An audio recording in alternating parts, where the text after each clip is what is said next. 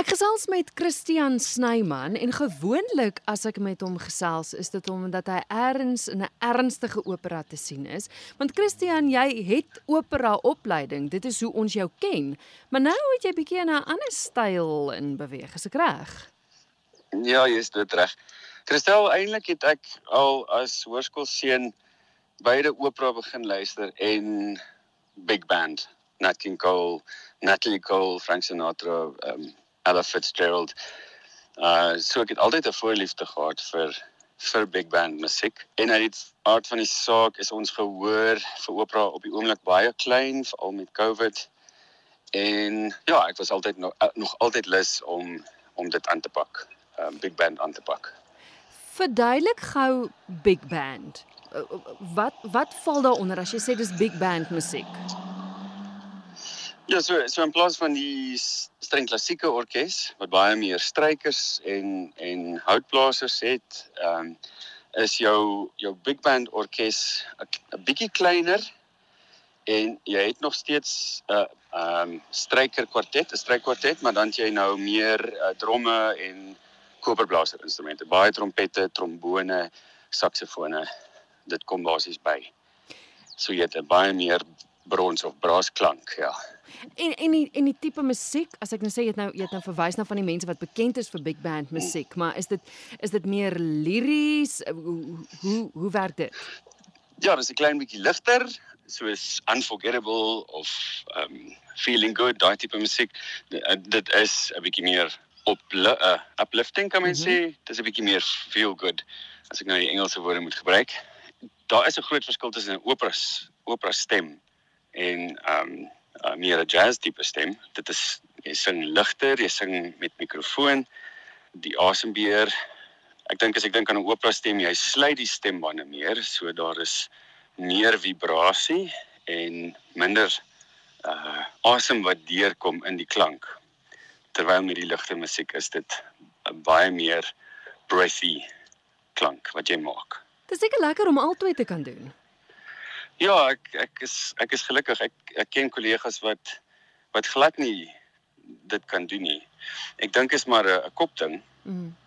Ehm um, en, en natuurlik baie sangdosente het ook gesê weet 'n mens moet nie eintlik die twee style meng nie want dit is nie die ouer garde reken dis nie goed vir jou stem nie, maar ek het dit nog nie nog nie ervaar nie.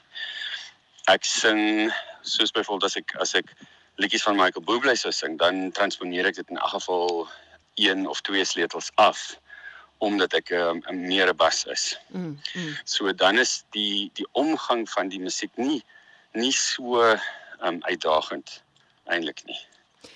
Ja, um, ja. Jy jy het nou Michael Bublé se naam genoem, is dit die tipe musiek wat gehore kan verwag met jou big band show? Ja, baie baie beslis. Ek dink vir ons is nou deur 'n rowwe 2, 3 jaar en 'n mens soek 'n bietjie uh uh ietsie ligters om om net ons uh gemoed op te beheer. En gewoonlik is die opera karakters wat ek sing uh dis swaar rolle.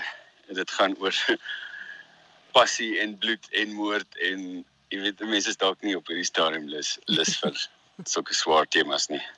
Nou wie wie's nog op die program saam met Michael Bublé se musiek? Meeste musiek gaan maar in die styl van Michael Bublé wees. Maar Michael Bublé het dan ook weer songs van Frank Sinatra gesing en of Nat King Cole of wie ook al. Ehm um, die versameling musiek noem mense eintlik The Great American Songbook. Goed. Ehm um, en daaronder val baie komponiste Cole Porter ehm um, verskeie mense en dan ook byvoorbeeld ehm um, Charlie Chaplin, die groot akteur uit die 40s uit. Hy het ook mos 'n liedjie geskryf Smile. Nou dit, dit is daardie styl en elke sanger uh verwerk dan hierdie bekende ou songs van uit die 30s, 40s, 50s en maak dit dan basies sy eie. Hulle gebruik almal dieselfde tipe instrumente, maar elkeen het net 'n bietjie van 'n hulle tweak dit soort van net 'n bietjie, ja. Nou gepraat van instrumente, jy's nie alleen te sien nie. Vertel my wie is saam met jou te sien? Ons het 'n uh, 19 stuk orkes. Ons het viole natuurlik, uh, twee eerste viole, twee tweede viole, ehm um, twee altviole, twee cellos, dan ons 'n kontrabas en dan ons in die ritme seksie ja, kontrabas, uh klavier en dromme. Dan het ons twee trompette, twee trombone, twee saksofone en elektriese gitaar. Ja, ek dink ons en van my verwerkings het het uh Luke van der Merwe actually gedoen nog van noot vir noot. Mm. Uh Rudolf Geldenhuys het vir my 'n paar verwerkings gedoen en Eddie Clayton het ook daar's ehm um, en Etienne een van sy studente het ook daar 'n verwerking. So dit gaan nogal 'n interessante uh, program wees. Ja, en Eddie is dan natuurlik, hy staan aan stuur van sake. Ja, hy's uh, die musikale direksie. Ja. Dit is ehm um, hoe kan ek sê nou my eerste groot shows wat ek self ehm um, geboek het en self organiseer. Maar Eddie doen is die hy lei die musiek uh departement, ja. En dan Zita Pretoria, sy sing ook een of twee nommers saam met jou, né? Ja, sy sing die duet uh, Something Stupid saam met my en dan sing sy twee songs ek dink Love en uh, Summertime van Gershwin. Ja.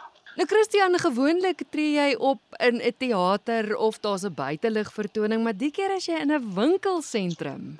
Ja, die mense van Pretoria ken dit seker nou al. Ons sing nou al 'n hele paar jaar lank by uh by die Brooklyn Mall, by die Design Square waar al die restaurante is.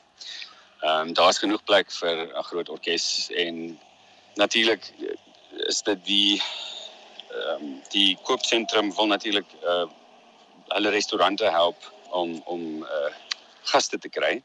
So dan doen hulle vir elke nou en dan sulke optredes. Dit moet 'n uitdaging wees want dit is tussen besige restaurante. Uh die gehore is dit en kykie vir jou soos wat hulle doen as jy in 'n teater is nie. Wat is die uitdagings om om in so 'n publieke openbare plek in die buitelug te sing? Ek sou sê die grootste um, uitdaging is 'n mens moet baie harder konsentreer. Uh omdat daar soveel beweging is en soveel ehm um, hoe ons nou sê ambiante geraas. Mm. Dis 'n slegte anglisisme wat ek nou daar doen. Uh en ja, mens moet werklik uh, fokus en dan ehm um, daar is nog die speelarea.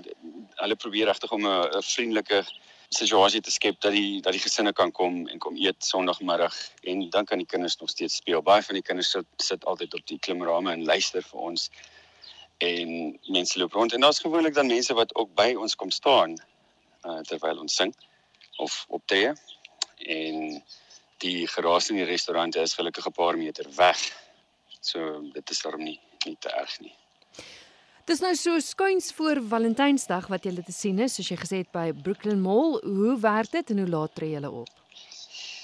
Ons tree Sondagmiddag 2 uur op.